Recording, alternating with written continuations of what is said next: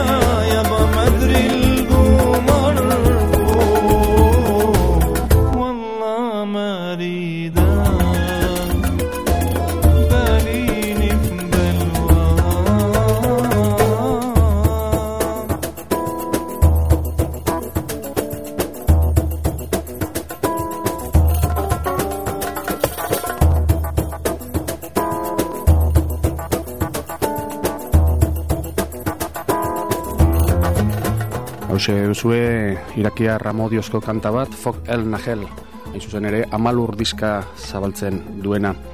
Naiz eta bere abizenak argi adirazten duen bere armeniar jatorria, e, jaik Sirian jaio zen, e, bere gurasoak bertan e, bizi baitziren, baina hogei urte edo daramazki Grezian, bizitzen, bai bizi eta bai lanean ere. Hain zuzen herri honetan jabetu zen ekialdeko musiken xarmaz, eta oso gaztetan ekin zion musikaren bide horri. Bere lagun izan eta izango dira hain maixuki jotzen dituen instrumentuak, neia, flauta, e, txukunbusa, e, baino antzeko, lauta, nasatkarra, perkusio instrumentu zenbait, baina bada bat bereziki bere musika bilaka eran fruituak hobekien aderazten dituena, geografiaren eta denboraren mugak zeharkatuz, lauta. Bentsa duzue, diskari berari izena ematen dion, doinua, amalur.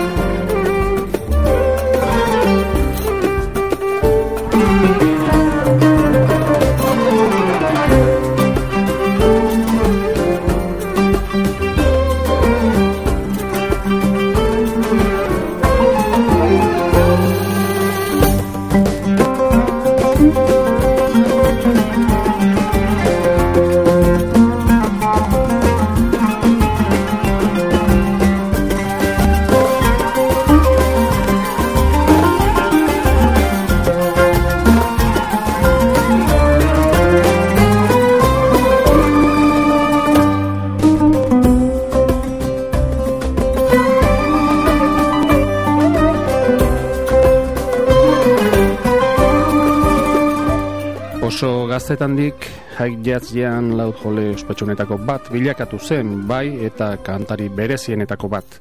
Bere lehen diskaren argitaratzeak, talar izenekoarenak, mila betzeun dalaro itamaseian Libra Musik zibiluan, bere ospea azkartu zuen eta batez ere bere belaunaldiko etorkizun oparoeneko komposatzailetako bat bihurtu zuen. Bere diska eta kontzertuetan jazzianek repertorio bat landu du musika herrikoia eta ekialdeko garaikidea bateratzen dituena. Batzuetan, iritsiz, mendebaldeko musika garaikidearen zertzeladekin gozatzea. Nasketa honen emaitzak eragindu bere zuzenekoak gertakari bat izatea. Musika tradizionalen erroak ereiki, eredu garaikidetan topa nahi dituenarentzat. Entzungo dugun urrengo kanta Armeniako doinu tradizional bat dugu, jare martu jara guda izenekoa.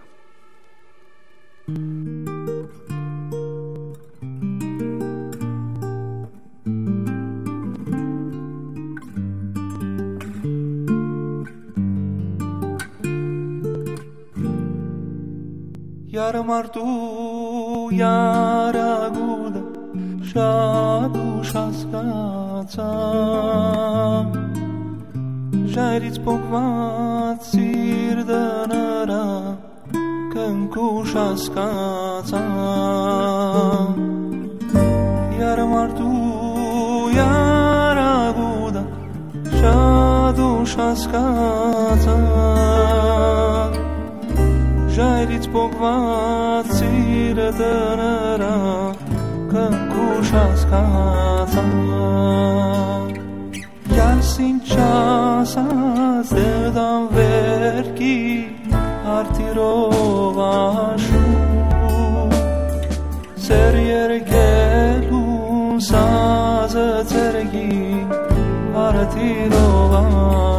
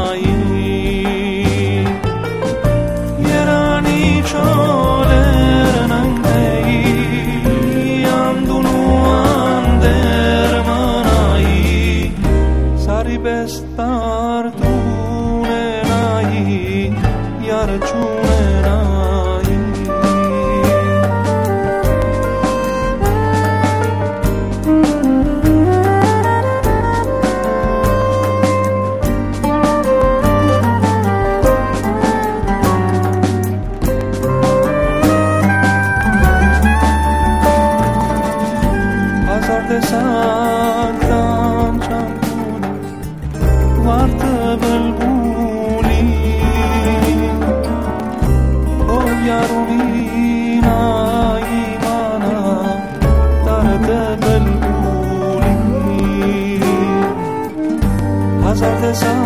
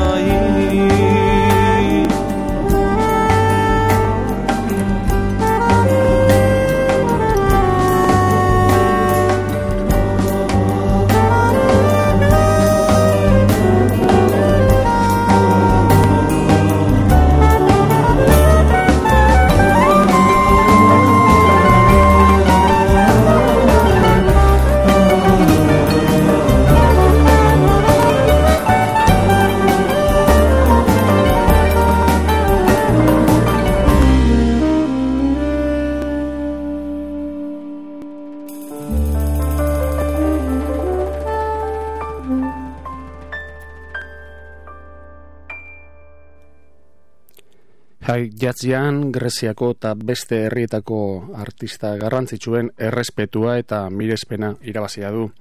Imatekin lan egin du gainera Nikos Sidakiz, Elefteria Arbanitaki, Sabina Janatu, George Dalaras, Jiban Gasparian, Omar Faruk Tekbilek besteren artean. Alaber bere aurkezpen eta grabazioetan jaik gaurko Greziar eskenako musikari onenetakoak izaten ditu alboan. Horietako asko ekialdeko herrietan dutelarik jatorria. Bere lehen lanetik bertatik, jazianek tradizioa sormen indar garrantzitsutzat hartu zuen. Bi urte beranduago, mila betzion dalaro eta mesortzian, bere bigarren diskaren argitaratzeak, garin izenekoarenak, entzulegoaren txaloa jaso zuen eta prentsa espezializatuaren kritika bikainak. Ipatu ditu hain zuzen ere hainbat kantari eta musikari haundi bere, bere laguntzaile izan direnak hainbat disketan eta berak ere lagundu dituenak beraienetan eta hoien artean diska honetan aurkitzen dugu izar haundi bat, Greziako izar haundi bat, kantuan elefteria arbanitaki.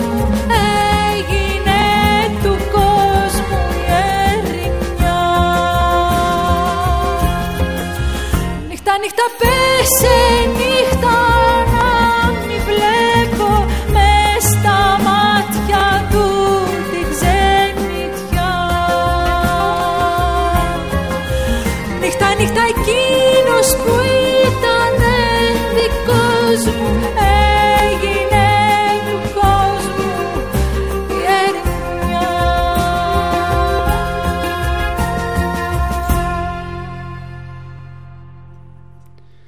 Eta azken urtean, 2007an argitaratu du haik jatzianek bere amalurrelen aipatu dugu izena izenaren zergatia, euskeraz eh, diskari izena ematearen zergatia. Bost urtetan eh, munduan zehar egindako bidaien eta soinu berrien miaketa nekaezin baten emaitza du amalur. Honetan armeniar laut joleak grekeraz kantatutako hiru kantekin harretzen gaitu eta lehen aldiz sartzen du lauz elektrikoa.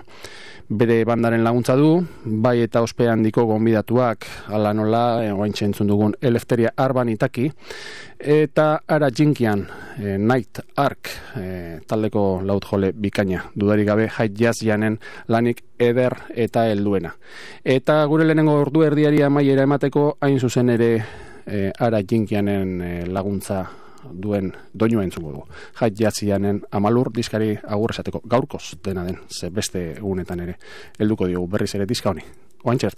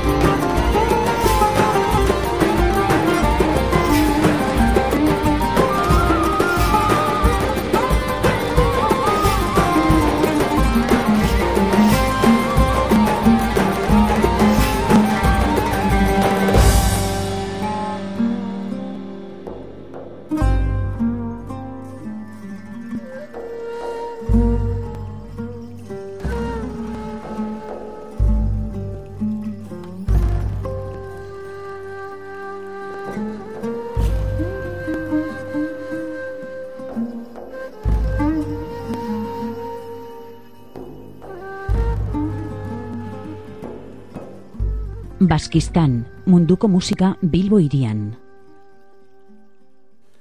Eta ekialdean jarraituko dugu ekialderago eginez, e, gure gu gauden lekutik ez da zaila, beti ekialdera jun behar Europan barna bagoaz behintzat, eta ziaraino iritsiz e, kabuleragoaz bertako radio kabulen e, kantari handiena izateren ezagutza izan zuen, maisu handien ikaslea zen, eta emanaldiak zirela eta radiokabuleko emanaldiak zirela eta egin zen ezagun, mila betzen da iruroita marrean urte horretako artista sari eman zioten, iruroita mazazpian ustat maisu izendapena jaso zuen.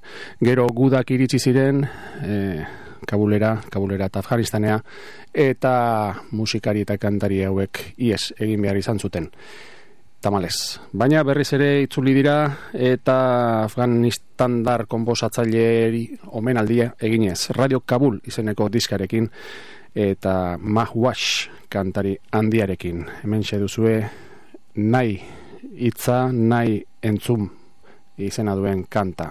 Kainabera edo txirula, esan nahi du. Nahiak, flauta bat beraz.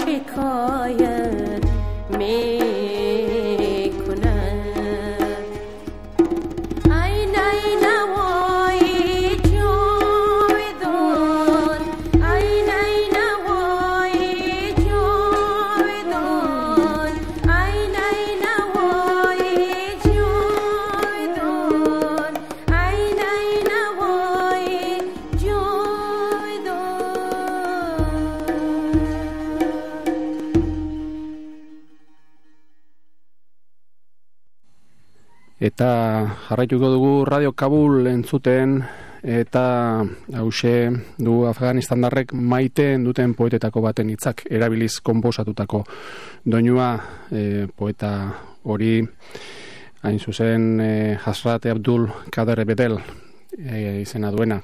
Tagafol Txik Heilat du izena kantak eta hause dio kontzientzia beldurtu da zure edertasunaz jabetu denean nire malkoen kolorea jenarena bezelakoa da. Ez dakit, noren oinetan loratu diren.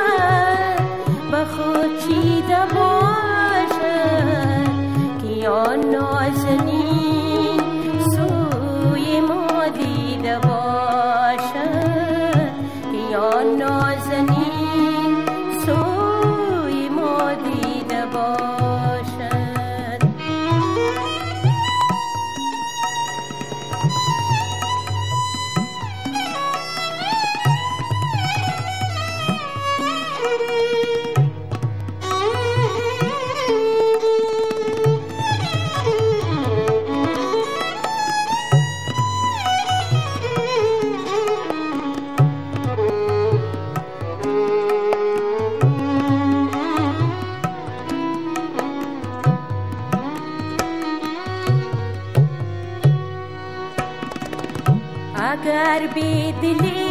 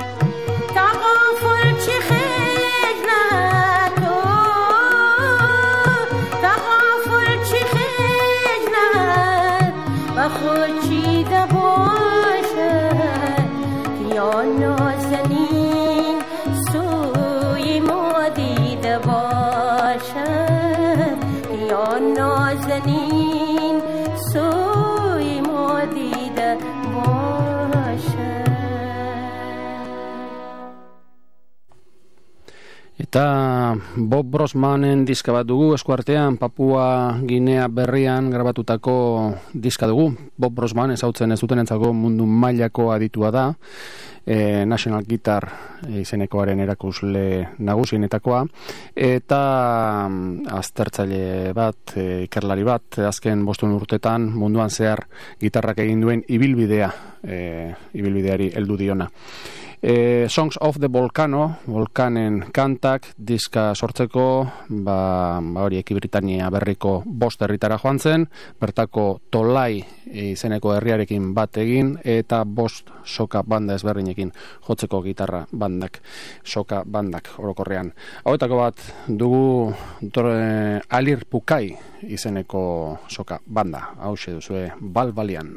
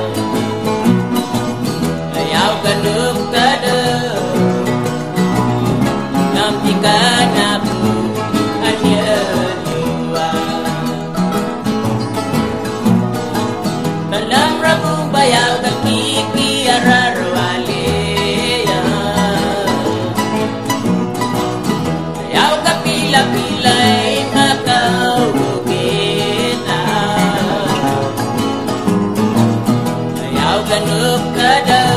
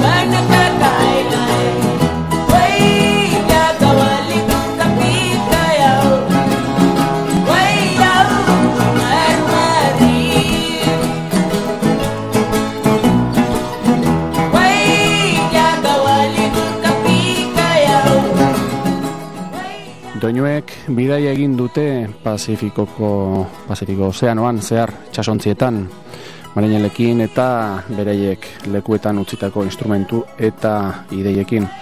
Hauek gero isolamenduan bere bilakera propioa izan dute. Eta Papua Ginea berria izan da gitarrak iritsi diren azkeneko lekuetako bat, eta beraz musikak inozentzia eta edertasun auskor bat darama. Horitarazten duena nola izan ziteken e, gitarraren musika, gitarra egindako musika Mexikon mila sortzen da gaita marrean edo Hawaii mila sortzileun da iruro. Beste doinu bat entzungo dugu diska honetatik Alir Pukai izenekoa.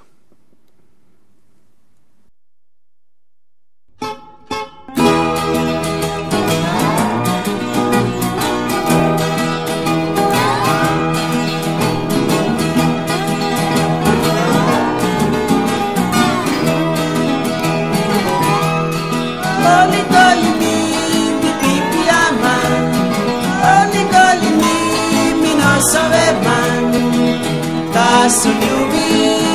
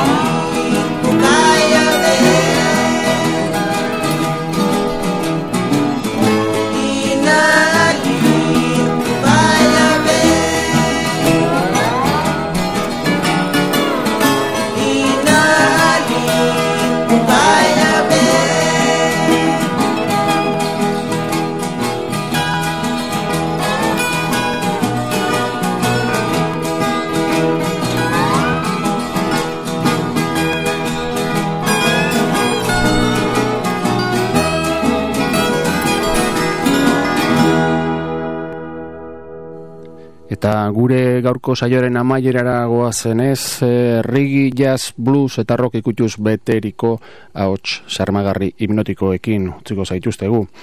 Amadu eta Marian bikotearen ahotsekin nahi zuzen ere Afrika mendebaldetik hause duzue beraien kombatantz eta agur, beraz, eta datorren azter